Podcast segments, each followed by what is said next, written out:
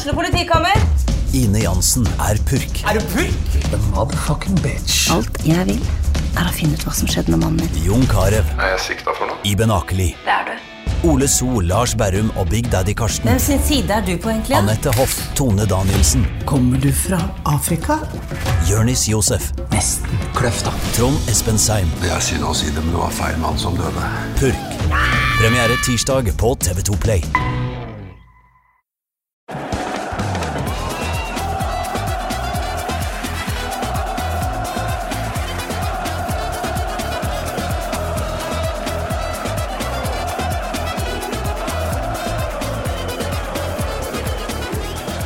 Velkommen skal dere være til atter en ny episode av Pyro og Pivo. I dag så skal vi reise langt, langt av gårde. Vi skal over Atlanterhavet, muligens sør for ekvator. Nå ser jeg ikke på kartet akkurat nå, men jeg tror nå jeg får et bekreftende nikk fra dagens gjest om at det stemmer.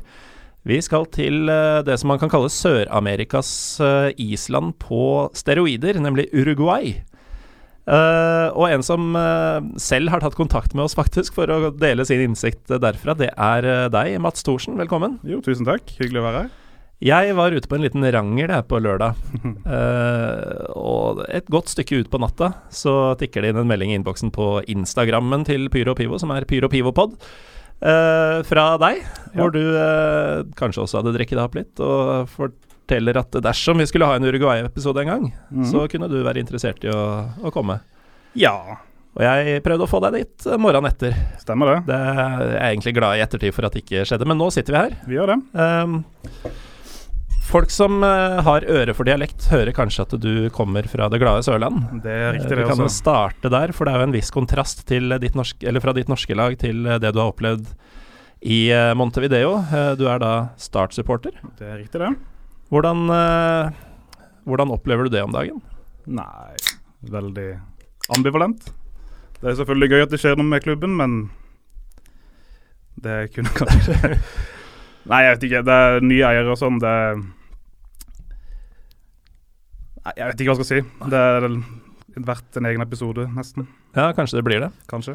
Men eh, du eh, har jo da kunnet fortelle meg et eh, halvt år bak deg som student i Montevideo. Ja. Det ble en del fotball, regner jeg med? Det ble så mye jeg kunne. Ja. Ehm, ikke så mye som jeg skulle ønske, fordi mitt arbeid var stort sett i helga. Mm. Så da var det ofte jeg gikk glipp av kamper. Hva slags tullestudium var dette? Eh, master i sosialantropologi, så tullestudium har du helt rett i. Eh, Jeg har gått Midtøsten-studier, så ja, ikke sant. Jeg skal ikke si litt, litt samme greia. Nei, um, jeg dro ned dit for å forske på legaliseringen av cannabis. mm. Og da var det sånn at uh, Det er vel ganske nært knytta til tribunekulturen der, vil jeg anta. Overraskende nok, veldig. Ja. Jeg skal komme tilbake til det seinere. Mm. Men uh, hvorfor valget av Montevideo, hvis du først skulle ut Nei, på masterstudium på antropologi så kan du egentlig reise hvor du vil, så lenge du klarer å lage et prosjekt. Så da vil jeg komme så langt bort som mulig, og Latin-Amerika har alltid vært et spennende, fascinerende kontinent, så da ble det det.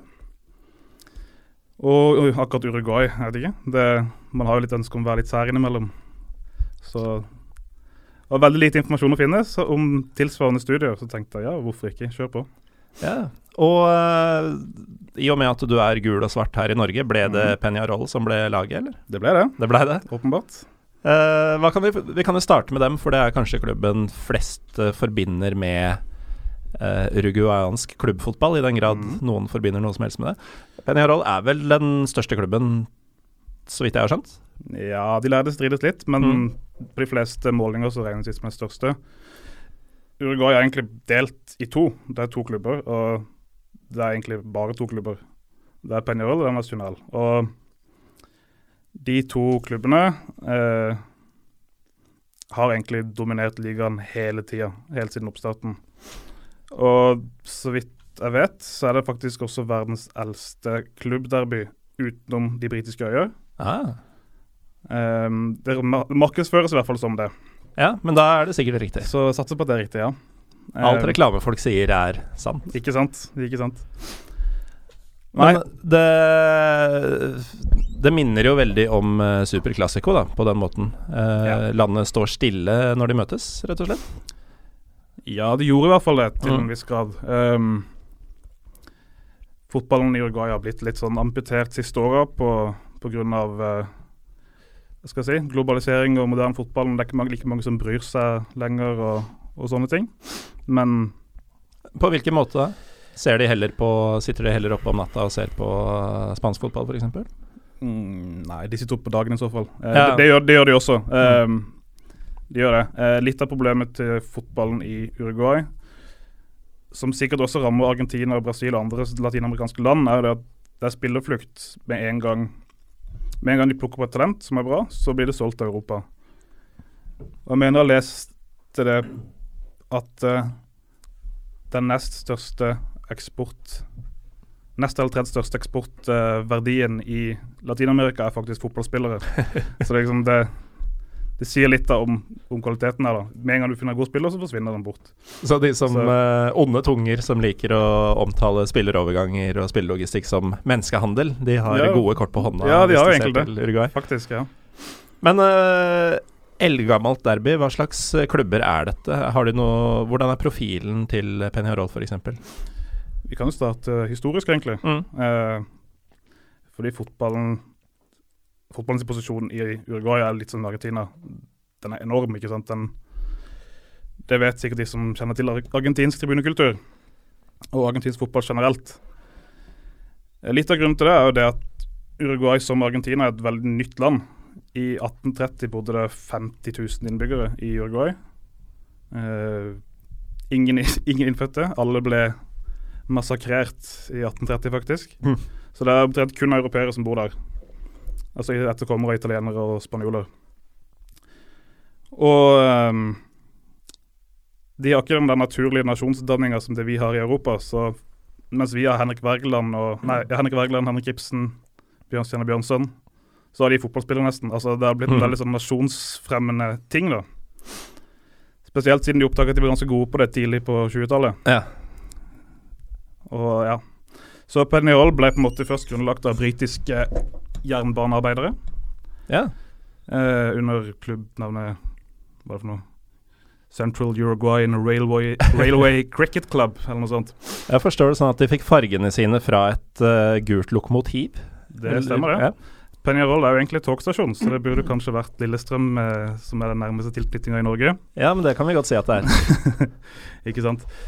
Eh, nei, ikke sant, men så var det mye briter som spilte på det laget. Og, ehm, og i 1899 så bestemte skal si da, uruguayanere, altså folk som er født i Uruguay, de bestemte seg for å lage et uh, slags motsats. De prøvde å få bli kvitt den utenlandske påvirkningen av fotballen. Mm. Så da lagde de National.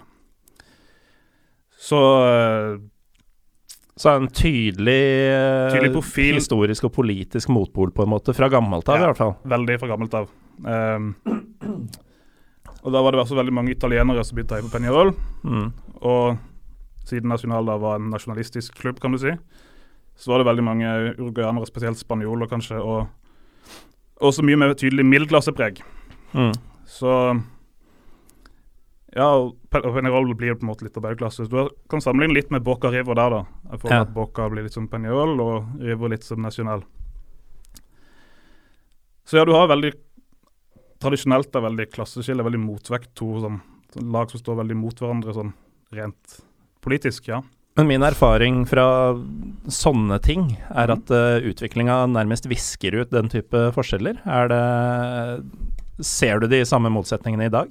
Nei, Det syns jeg ikke. Du ser kanskje litt Du ser kanskje i en liten grad at uh, det er flere Altså Peñarol har fremdeles et mer arbeiderklassepreg. og Mm. National har et mer sånn overklassepreg. Det, det, det er nok enda. Men i det store og hele så er det så er det viska ut, i hvert fall siden på en måte det er to lag i landet. Og Mm. ja. Så ja, det, det er ikke så mye nå lenger, nei. Det vil jeg ikke si. Nei. Men uh, du, du var jo på dette oppgjøret. Jeg var på det oppgjøret, ja. Hvordan uh, Vi må jo si litt om stadionkapasitet og Mhm. tilskuertall og sånn. Hvilken uh, stadion var det du på? På den tida var var, hjemme? Jeg var det i 2015. Mm. Eh, våren 2015. Så da hadde det spilte Peñarol enda på landslagsarenaen. God gamle Estadio Centenario, som ble lagd til VM i 1930. Så de spilte sine kamper der. Faktisk både hjemme- og bortekamper. Eh, fordi Hva skal man si Altså, de småklubbene i Uruguay, de har ikke særlig mye Altså, budsjettet deres er en, veldig lite. Så når de spiller kamper mot Peñarol National, det er de kampene de kan tjene penger på. Så da velger de heller å spille de kampene på, land, på liksom landslagsarenaen heller enn å spille de på hjemmebane hvor de ikke har noe kapasitet, eller hvor det er få folk som dukker opp. Ikke noen fasiliteter, ikke sant.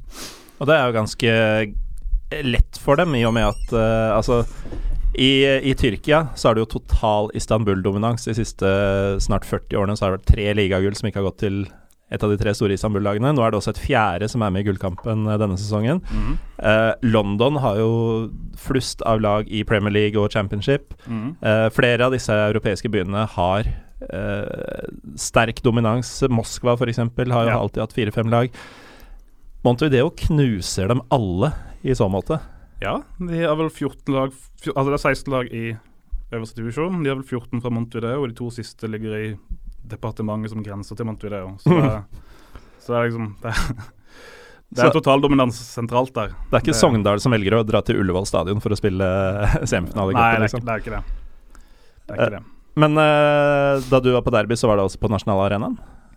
Ja. Hvor, uh, hvor, mange tar den? Uh, jeg tror den tar offisielt 65 000 akkurat nå. Og jeg tror ikke de slipper inn flere enn det lenger heller. selv om det sikkert har vært opp mot 80-90 tidligere. Mm. Jeg tenker jeg spesielt rundt VM og sånn i 1930. To personer per sete? Ja, ikke sant. Litt, som, litt som Maracana tidligere var. Var det fullt da du var der, eller? Det var ja, kanskje 2000 seter ledige. Der var det på Og det var sikkerhetssone? Typ. Mm. Eller ja, ikke sant. Typ noe sånt. Eller på VIP-tribunen. Så, så, ja, det, det, var veldig fullt. Hvordan uh, vil du beskrive opplevelsen du hadde? Hva skal jeg si? Jeg kommer fra Norge, så, så er det ganske spesielt. Altså, det, det er fullt trøkk hele kampen. Mm. Og ja, altså, det er bluss og gjennom hele kampen og røyk og diverse greier og sanger, hats, ballonger, alt mulig. Paraplyer, eller? Veldig mye paraplyer. Ja, så det er veldig sånn Argentina-aktig ja, ja, visuelt? Veldig. Mm.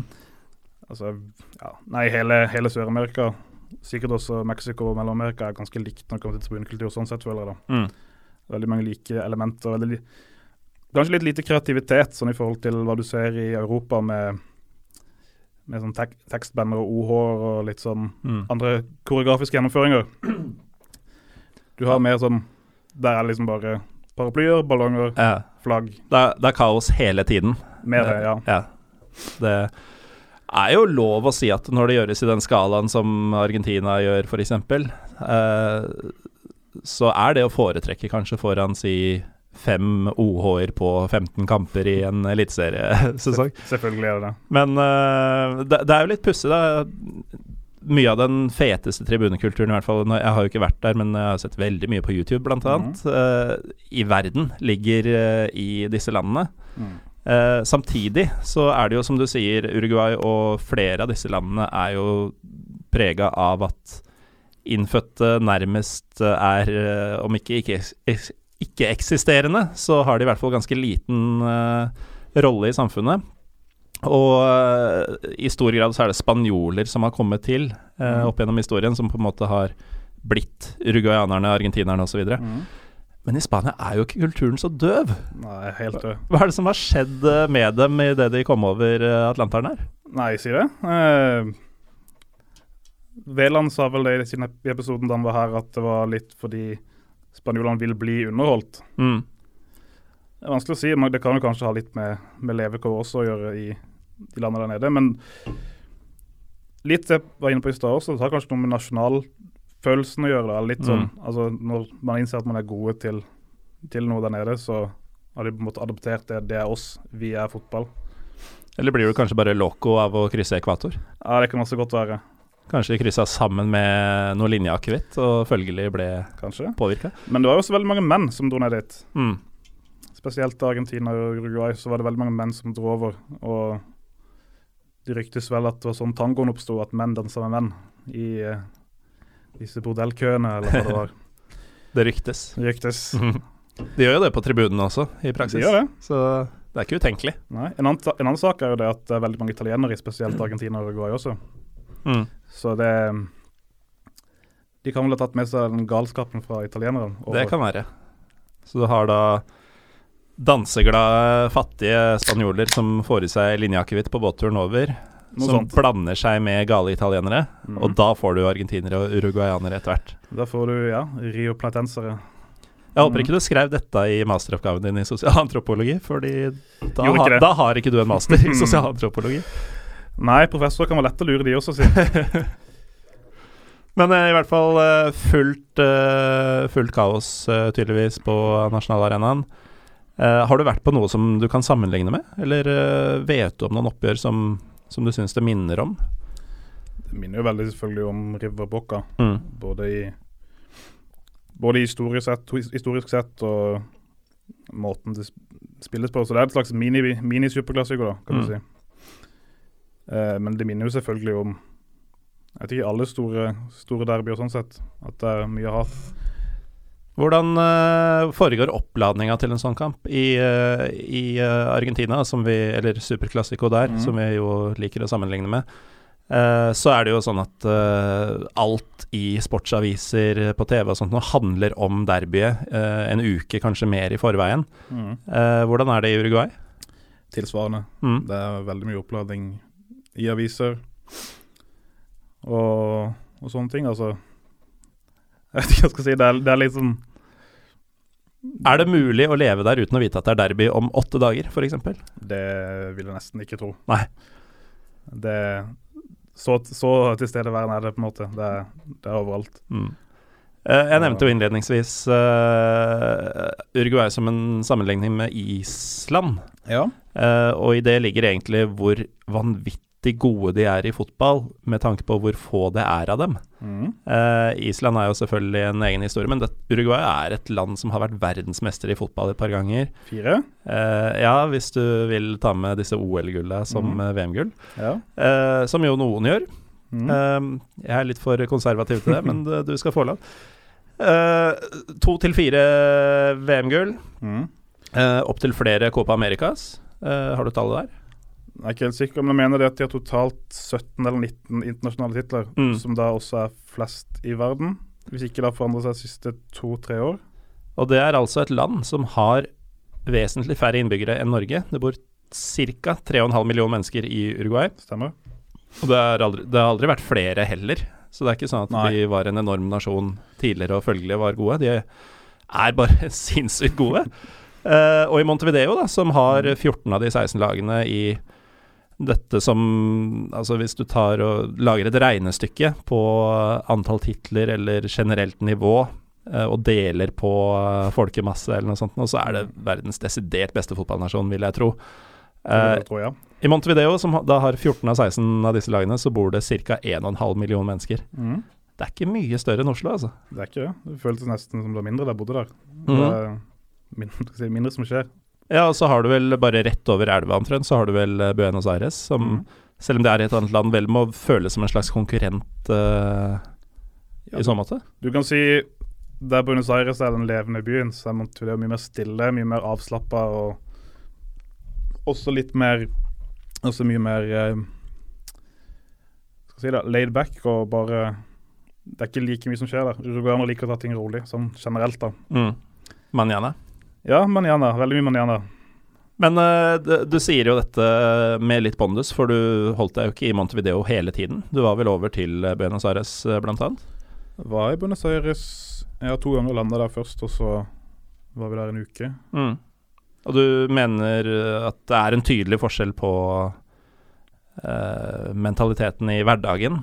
Uh, Ja, veldig, veldig forskjellig. Mm. Altså, det kommer også av at Uruguay i over 100 år har skilt stat og kirke, blant annet. Det eneste landet som faktisk ikke er overrepresentert av, av religion, da. Ja. Eh, noe som også egentlig er veldig interessant, var han jeg bodde med. Han var jo beinhard ateist. Eh, men du ser litt den innflytelsen på kamp, i fotballkamp. Da Ja. sitter han og tar sånn eh, det korset på, på magen. ja, du gjorde det. Han gjør det, men han prøver å gjøre det, han å gjøre det skjult, så, ikke, Ja. så ingen ser det. Men, eh, men ja, det er liksom sånn Det skader ikke, Mhm. mentalitet. Men det det er veldig annerledes når det kommer til akkurat det området. Det er veldig lite religion i offentligheten i Uruguay. Mens i Argentina da har du liksom Du har Gud, og du har eh, Maria, Maria Magdalena, ikke sant? du har Maradona og du har Revita. Det er Mm. liksom Du har de heltene der, og det er Religion er mye mer gjennomsyra. Altså det er folk, jeg vet ikke helt hvordan jeg skal forklare det, men det er mer De som har vært i Buenos Aires, vil sikkert kjenne seg igjen i at uh, det er veldig Det er veldig varme folk. Det er en veldig det er en varmere by også, ikke minst sånn temperaturmessig. altså Folk er mye ute. Det er mye sånn biff, tango Noe du også får i Uruguay, men ikke, på, ikke presentert på samme måte. Uruguay er kanskje mer skal si, Det er ikke blitt oppdaga like mye av verden. Nei. Montevideo er en veldig, veldig ukjent by for veldig mange. Ja, den ligger liksom bare i skyggen av Buenos Aires der, og kanskje tar man en tur over for å sjekke ut et par dager hvis man er der, men sannsynligvis ikke. Sannsynligvis ikke. Men uh, du nevner jo eh, Maradona, Evita blant annet. Mhm. Eh, er det noen tilsvarende heltetyper i Uruguay? Veldig lett akkurat nå å svare Suárez. Mm. Altså, det, det han, Men er, er, er han det? Han er helt. Han er det? Det, det, er, Det er ikke noe polarisert eh, med tanke på bitehendelser og, Nei, nei, nei. og diverse faenskap der? Nei, tvert imot. Eh, apropos, litt sånn Han blir bare den- kulere av det? Ja, egentlig. Ja. Eller det vil si, altså litt i den Det går for Argentina også litt. eh, med det at eh, det å spille fotball er ikke bare altså det, det er underholdning. Man skal, man skal liksom kose seg ut på banen. Men man skal også jukse. Altså det, det er liksom sånn, Så lenge du slipper unna med juks, så er det det beste du kan gjøre. Blir du tatt for juks, så er du liksom, da er du en taper. Så bra utført juks er på nivå med en uh, bra utført finte, f.eks.? Ikke sant. Jeg bodde sammen med en, eh, en, en brite da jeg var i uh, Montevideo. Så møtte vi noen argentinere, og så snakka vi litt om fotball og, og selvfølgelig Guds hånd og den kampen der. Og du hadde med en brite, sa du? Jeg bodde med en brite i, Ja. i Montevideo. Dette høres ut som en uh, sunn kveld etter hvert. Ja, nei, det gikk, gikk virkelig ryddig for seg, det. Men han kommenterte da at uh, jo da, det, det målet til Maradona, det var, det var skikkelig bra. Altså, det er et av de beste målene jeg har sett. Og tenkte selvfølgelig han på det dribleraidet. og så er det noen kommentarer der. Ja, ikke sant? Han kom unna med det. Han slapp unna. Altså, liksom, han, klarte, han klarte å lure dommeren. Og det er liksom litt sånn Litt det som Det, er snakka om eh, VAR her forrige, Mm. forrige uke. Det er litt sånn, ja, jeg godtar den på en måte. Det å jukse er liksom også litt av spillet. Jeg liker det på en måte. Det, er, det skal jukses litt, så lenge du klarer å komme unna det. Hvis du blir tatt, så greit. Da, da blir du tatt. Da, Det er lov å prøve seg, i prinsippet. ja, ikke sant. Så lenge du kommer unna med det, så er det, så er det gøy. Altså, Gud, Guds hånd, det er Det er ikke mange fotballøyeblikk i historien som topper det. Nei, men akkurat det Nå blir jo det et eh, Hva skal vi si Tilbakeblikk på forrige normale episode, Mm. eh, som jo handla om VAR og fordeler og ulemper ved det. Og så er det jo sånn Petter Wæland reiv jo filler alle disse romantiske argumentene som jeg mm. blant annet eh, forfekter, men eh, det er jo Det finnes vel ikke et mål omtrent i VM-historien, selv det driblemålet i samme kampen, Mm. som er like ikonisk og omtalt legendarisk eh, som det jo ene juksemålet. Og sånne situasjoner vil du jo ikke få. Eh, nå er det over 30 år siden det skjedde, Mm. og vi snakker fortsatt om det. Og jeg kan se for meg at denne argentineren nærmest ble rørt til tårer av å Spesielt å snakke med en brite om det. Ja, ikke sant. Rett etter, ja. Så fotballen ville jo blitt fattigere, eh, på sett og vis, Jeg er helt enig. om du fikk bukt med all juks. Ja, For min del er spørsmålet om var egentlig bare et spørsmål om man vil kommersialisere fotballen mer eller mindre. Og det er liksom, Jeg skjønner Petter Wæland veldig godt. Altså, For hans ståpunkt så er det helt naturlig å ville ha VAR. Da kan man diskutere det på, på TV. og og sånn, Men for min del så, så er det litt det som ødelegger fotballen. Det å gig, som Startsen Geire heter. Eh, men eh, nok om det. Vi skal snakke Ja. mer om eh, Uruguay. Og Alright. eh, du har vært litt inne på å sammenligne mm, hvordan atmosfæren er i Buenos Aires og Montevideo, men du har jo ikke bodd et halvt år der uten å få noen kanskje ekstra minneverdige opplevelser på kroppen. Alle andre jeg kjenner som har vært i Buenos Aires, har f.eks. blitt rana minst én gang. Ja. Har, du, har du opplevd noe skjellsettende i løpet av det halve året?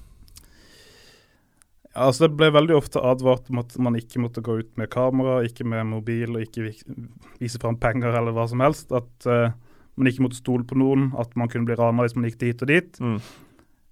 Men det er egentlig altså Montevideo er en ganske trygg by. Og etter hvert så følte jeg meg nesten tryggere i Montevideo enn det gjør i Oslo. Litt også fordi når man er ute på byen i Montevideo, så er det sånn byen stenger ikke, så folk drikker seg fulle. Og så når de er for fulle, så går de hjem. Ja.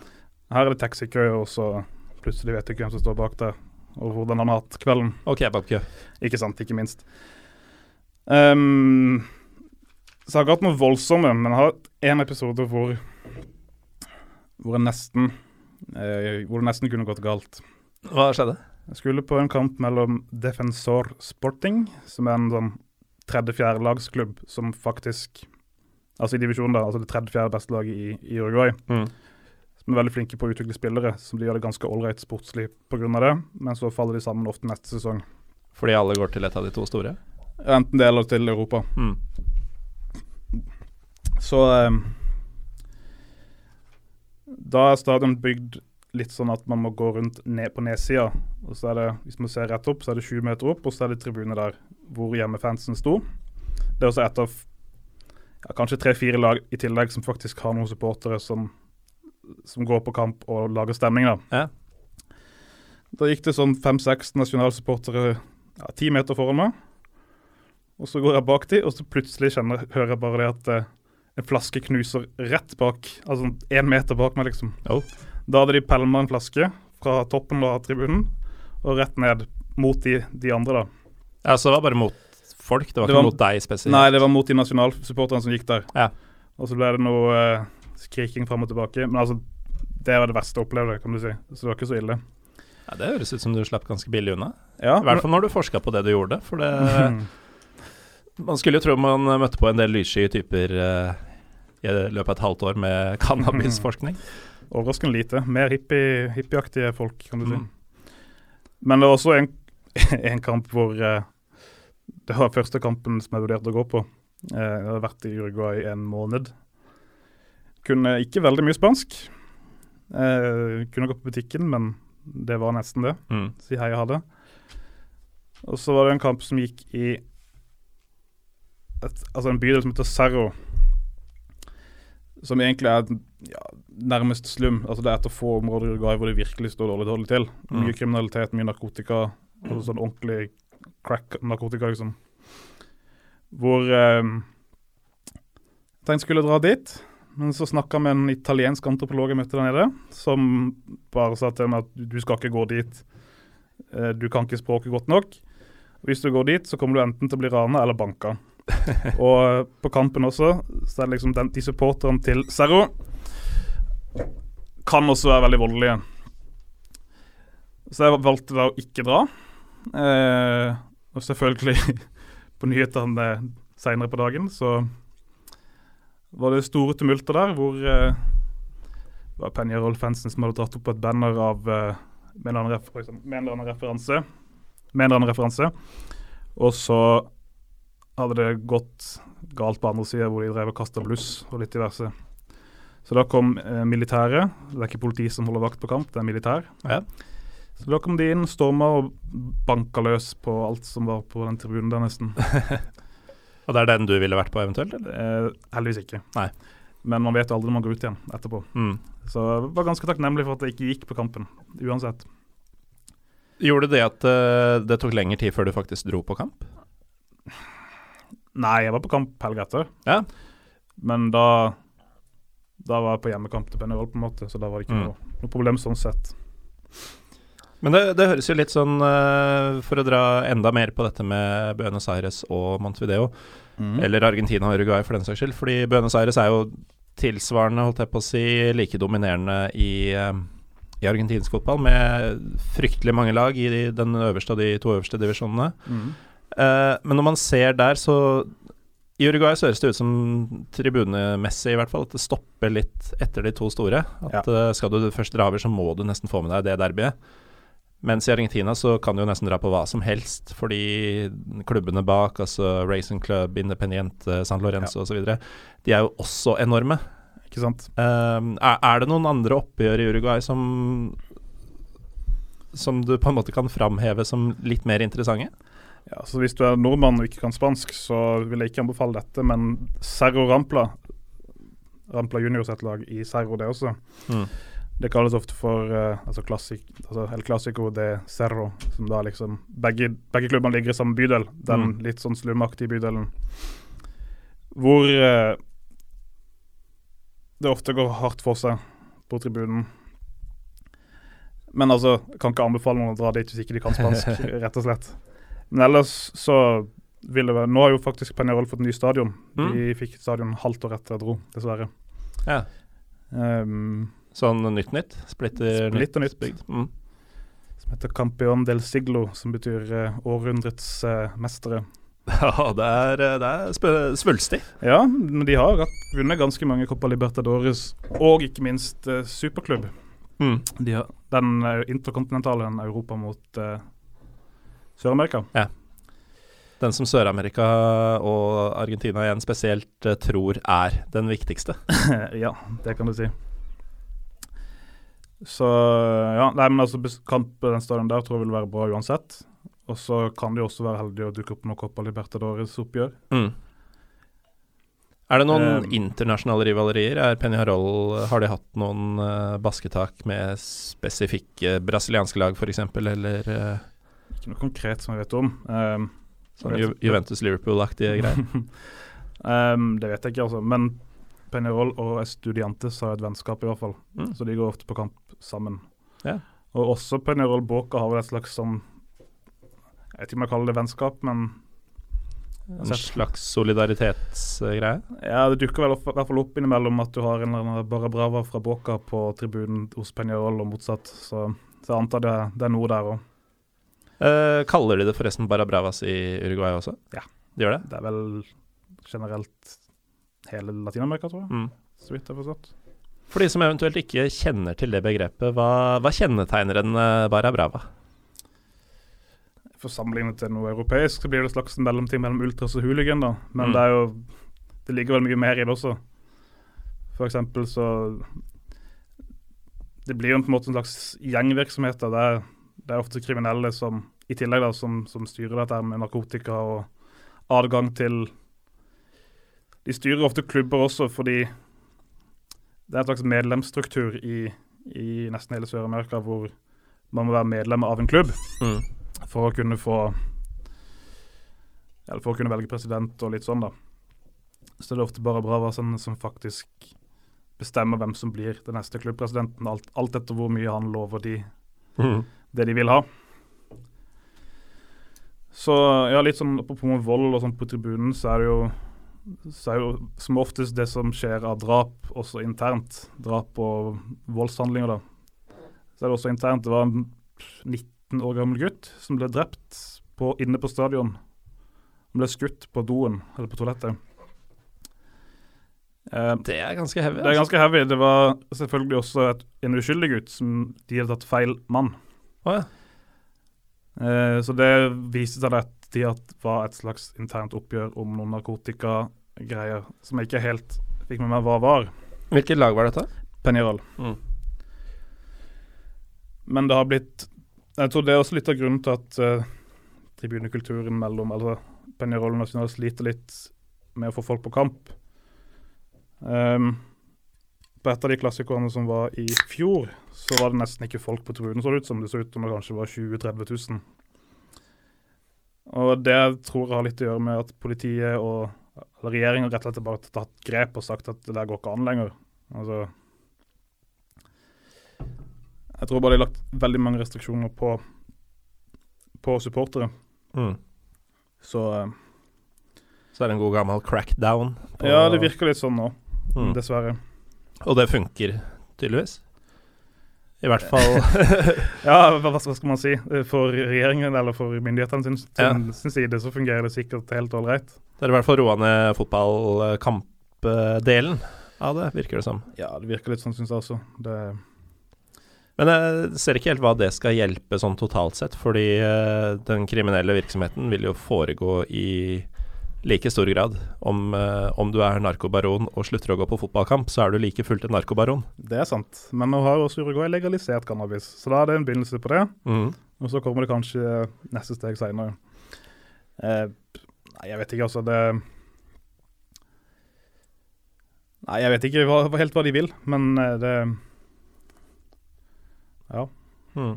Men det virker jo faktisk, og det var overraskende for meg, men at de tilsynelatende sliter litt med eh, klubbfotballinteressen, spesielt utafor de to store eh, Mm. generelt, og så gå inn på å ta de som bringer noe til, Mm. eh, og opplevelsen. Ja. Låter velkjent, egentlig. Ja. Sånn eh, England eh, 90-tallet-type ting. Mm. Men uh, Uruguay er jo ikke mye mer, men noe mer enn fotball. Og eh, vi kan jo ikke ha en uh, Pyro Pivo om et eh, land som svært få har vært i, uten å høre litt mer om uh, kulturen ellers. Eh, biff ble nevnt, men eh, hva, hva annet er typisk å spise, f.eks. i Uruguay? Det, Det er biff. Kjøtt. Det er kjøtt. Det er kjøtt. Kjøtt. Ikke vanligvis biff, men det er veldig mye asado, eller grilling, da, av diverse kjøttstykker. Eh, men Uruguay er egentlig et veldig kjedelig matland. Det er veldig ålreit en måned, men hvis du bor der, så, så er det bare samme menyen overalt. Ja. Og jeg tror det tok meg nærmere tre måneder før jeg fant havregryn, f.eks. ja, men Eh, det er definisjonen på kjedelig mat, da. Ja, ikke sant. Jo, jo, greit nok. Nei, men eh, det de spiser, er veldig ofte kjøtt. Mm. Hamburgere, pizza. En pizza som faktisk er ganske god hvis du spiser den et par ganger, men så blir du lei av den, altså. Nei, det er, det er ikke noe veldig stor Hva skal jeg si for noe? Det er ikke noe veldig internasjonal kulinarisk storhet, det er det ikke. Det er veldig mye italiensk matinspirert kjøkken. Hva er kampsnacksen, da? Churros, veldig mye det. Altså full uh, sånn smultringsstang med kanel-type churro? Stikk, stemmer det. Uff, det er ikke riktig, altså. Jeg trodde du skulle si pølse eller, eh, Nei, eller burger. Jo, de har, de har pølse og burger også, men det er veldig ofte churros er det enkleste, for det går selgere rundt og bare mm. selger churros. Churros. Mm. Hva svelger man ned disse kjøttstykkene og churrosene og sånn med? Vin. Ja. Uruguay er faktisk Er det også fotballsupporterdrikken? Sånn, Nei, det er det eh, ikke. Det er vel Altså, uruguayansk vin er veldig faktisk anerkjent. Det er veldig, veldig god vin. Veldig god rødvin. Mm. Eh, men det er jo ikke veldig fotballaktig, egentlig. Det er veldig sjelden du ser Barra Bravas med glass med stett. Ja, det er, det er ikke sant. Det er veldig, veldig kjedelig. Veldig sjeldent. Øla der nede er helt forferdelig, for å si det sånn. Det, for det første kommer nesten all øl på én liter flasker, så det er ikke sånn at du sitter sånn som oss nå og drikker en øl. Vi, Er det det vi gjør? Ja? vi gjør det. Lurer på om noen har merka det. Nei, men de, de kjøper en stor øl, en liter øl, og så deler de den. Ikke sant? Altså, det er det de gjør. Mm. Så hvis vi skulle gått ut til ja, videre, så hadde vi kjøpt en øl og bare delt den øla på gata bortover. Og så stikker vi til neste kiosk, kjøper en ny øl, deler den. Altså, det er- veldig mye sånn det går. Det Sånn høres går nesten ut som mat og drikke er et nødvendig onde for dem. Ja, nesten. Istedenfor noe de skal kose seg med. nesten. Jeg du fikk jo noe Fikk jo noe norsk øl ned dit eh, da jeg fikk besøk av mine foreldre. Eh, det fikk veldig mye skryt, så det, det er ikke vanskelig å forstå hvorfor. Men hva, hva er gærent med det? Er det for, eh, for tynt, holdt jeg på å si? For lyst, eller er det bare Nei, altså, hele drikkeopplevelsen? Det er jo ikke noe variasjon, da, kan du si. Nei. Det, er, Det er- smaker ålreit, men når du drikker sånn literflasker, så blir det også ofte veldig dødt til slutt. Så er det kanskje ikke all verdens eh, mikrobryggerier som uh, tester grenser og finner opp Nei. nye smaker og sånn. Nei, det er vel ikke det heller. Selv om det har begynt å komme litt nå i det siste. Mm. Der, var der jeg bodde der, så var det vel bare ett sted jeg var innom som solgte øl på tapp. Ja. Hæ? Tuller ikke. Eller Ellers fikk du på flaske, eller så drakk de Fernet Cola. Fernet Cola? Ja. Jeg har det- egentlig vært litt interessert i å sjekke ut Uruguay, men jeg merker at uh, nå blir det som vi var inne på i stad, at jeg heller uh, holder til i Argentina og kanskje tar en helg uh, eller noe sånt over. ja, hvorfor ikke? Nei, men vinen er god, da. Vinen du er drikker veldig mye vin inntil, inntil biffstykkene dine. Ja, ja det, det hjelper jo på. Mm. Jeg var jo nylig i Bilbao, Ja. og der var det vanlig å blande vinen eh, 50-50 med cola. Ja. Så jeg stoler jo ikke helt på et land som, uh, som lager god rødvin lenger heller. Nei, For de kan finne på så mye jævelskap med det. ikke sant. Jo, forresten, det er også veldig mye konsum av whisky. Jeg tror Uruguay er landet som drikker nest mest whisky per innbygger per år, faktisk. Det er en liten kuriositet. Det er en liten kuriositet, ja. Jeg syns ikke det virker å være noen rød tråd i mat- og drikkevann Mm. Nei, ikke veldig. veldig. Uruguayanere er uh, tydeligvis et uh, kuriøst uh, folkeslag. Et veldig merkelig folkeslag. Men veldig ålreite. Ja, for du hadde, du hadde det jo fint der, tross litt kjedelig mat og dårlig øl. Ja, jeg storkoste meg i Uruguay. Det var, det var veldig behagelig med den roligheten også. Mm. Det var Man kunne slappe av. Og som nordmann så er det også veldig deilig å kunne trekke seg tilbake. I hvert fall når man bor der. Før, vi, Så- før vi gir oss, så mm. lurer jeg litt på Du hadde et halvt år der. Du var Ja. på en god del fotballkamper. Du var innom noen naboland. Vet ikke hvor mye mm. fotball du fikk sett der. Men uh, hva, hva er det, hvis du skal ta liksom én ting som uh, Helst fotballrelatert, kanskje. Som, som du virkelig aldri vil glemme fra oppholdet ditt i Montevideo. Det blir selvfølgelig El Clásico, da. Mm. Som jeg vet ikke hvor mye snakk om det. Eh, kanskje ikke så mye. Ja, vi var jo inne på det. Ja, jo, nei, Men eh, kalles det en El Clásico, forresten? Ja. Den gjør det? jeg tror nesten alle El Clásicos kalles på El Clásico, faktisk. Bortsett fra den i Argentina. Ja. Den er jo litt, litt egen. Nei, men kampen ble jo avbrutt. Uh, altså, de spiller jo to sys- Seriesystemet i Uruguay er sånn at de spiller en vårsesong, en høstsesong. Og så møter vinneren av vårsesongen og høstsesongen. De møter hverandre i en playoff. Og i den playoffen så endte det 2-2. Så da ble det ekstraomganger. Det er én match. En match først, og så vinner denne matchen møter vinneren av sammenlagtsesongen. Så slitsomt. Ja, men veldig greit da hvis du vinner hvis, altså Det er jo som ofte samme lag som vinner en av de, en av de vår, enten Mm. vårsesongen eller sesongen, og sammenlagt. Så det er på en måte da har du to sjanser, ikke sant? så det er litt- logisk sånn sett. Men det ble iallfall uavgjort, og så skåret National typ fem minutter inn i ekstraomgangen. Og så gikk det to minutter til, og så fikk de straffe. Og da var egentlig kampen over for Penjarol-fansen. Så da begynte det å hagle stoler ned mot politiet og målmannen og det som kunne treffes. Så da ble kampen avlyst, og, eller avbrutt, ikke avlyst. Kampen ble avbrutt, og tribunen ble nærmest tømt før de spilte ferdig de siste ja, 17-18 minutter. Mm. Det var veldig spesielt, og han kompisen min som jeg dro sammen med, sa jo også det at eh, ja, vi vinner kanskje ikke sammen, men vi vinner kanskje ikke kampen, men vi vinner iallfall på tribunen. Det, Det var en seier. da er det liksom, da er det greit igjen. Men eh, ja, kampen ble tapt. Ja. Sånn etter at dere måtte gå. tapt 4-2 til slutt.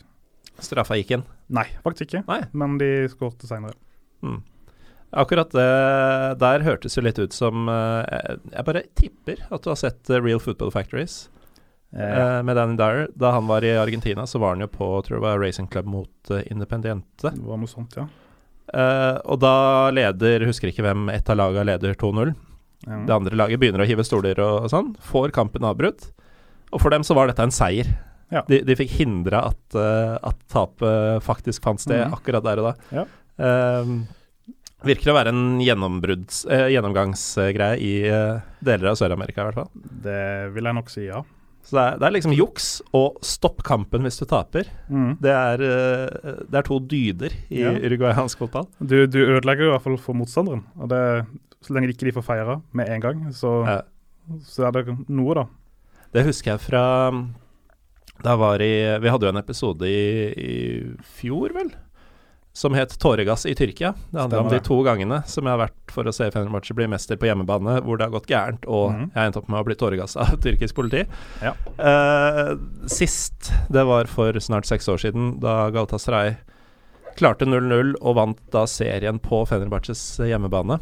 Mm. Og da skulle jo TV og Uh, sånn De skulle jo ha disse jubelbildene, men de, de kunne jo ikke få dem ute på banen fordi den var allerede storma da dommeren blåste av.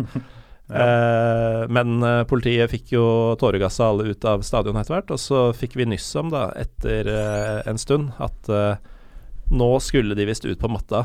Nå slo de på flomlysa igjen, og så skulle de ut på matta og feire for TV-kameraene og sånn.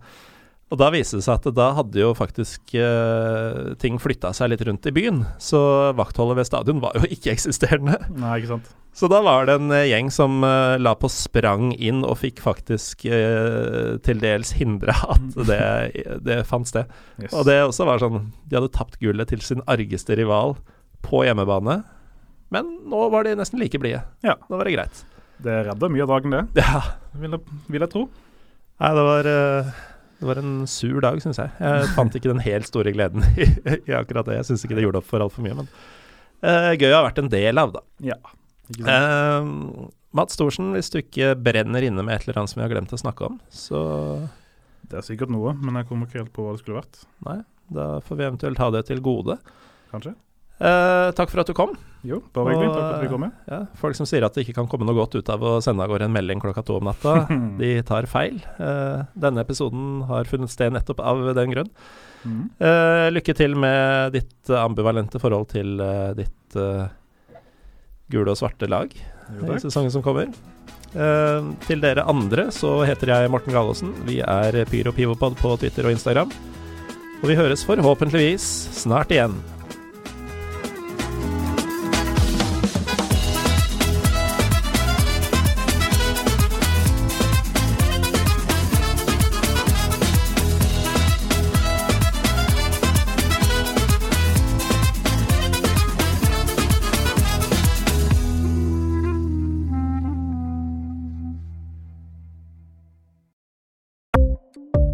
Ukens annonsør er HelloFresh. HelloFresh er verdens ledende matkasseleverandør og kan være redningen i en travel hverdag. Mange av oss har nok vandret i butikken både sultne og uten en plan for middagen, som ender med at vi går for de samme kjedelige rettene gang på gang.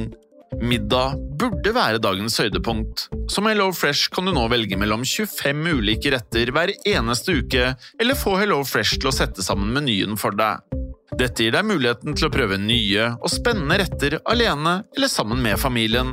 Du velger antall porsjoner og får alt levert på døren på et tidspunkt som passer for deg. Oppskriftene er enkle, og maten er lett å lage både for store og for små. Ved å få alt levert hjem får du også mer tid til å dele matgleden med familie og venner. Kanskje det frister med asiatiske tacos eller greskinspirert kylling? Da kan jeg anbefale deg om å gå inn på hellofresh.no. Her kan du bruke koden FOTBALL og få opptil 1779 kroner i rabatt på de første fem matkastene hvis du ikke har prøvd HelloFresh tidligere. Du kan også bruke rabatten hvis du har vært kunde og stoppet abonnementet ditt for tolv måneder siden eller lengre. Gå inn på hellofresh.no og bruk koden FOTBALL. Har du et enkeltpersonforetak eller en liten bedrift? Da er du sikkert lei av å høre meg snakke om hvor enkelt det er med kvitteringer og bilag i fiken, så vi eh, gir oss her, vi. Fordi vi liker enkelt. Fiken superenkelt regnskap.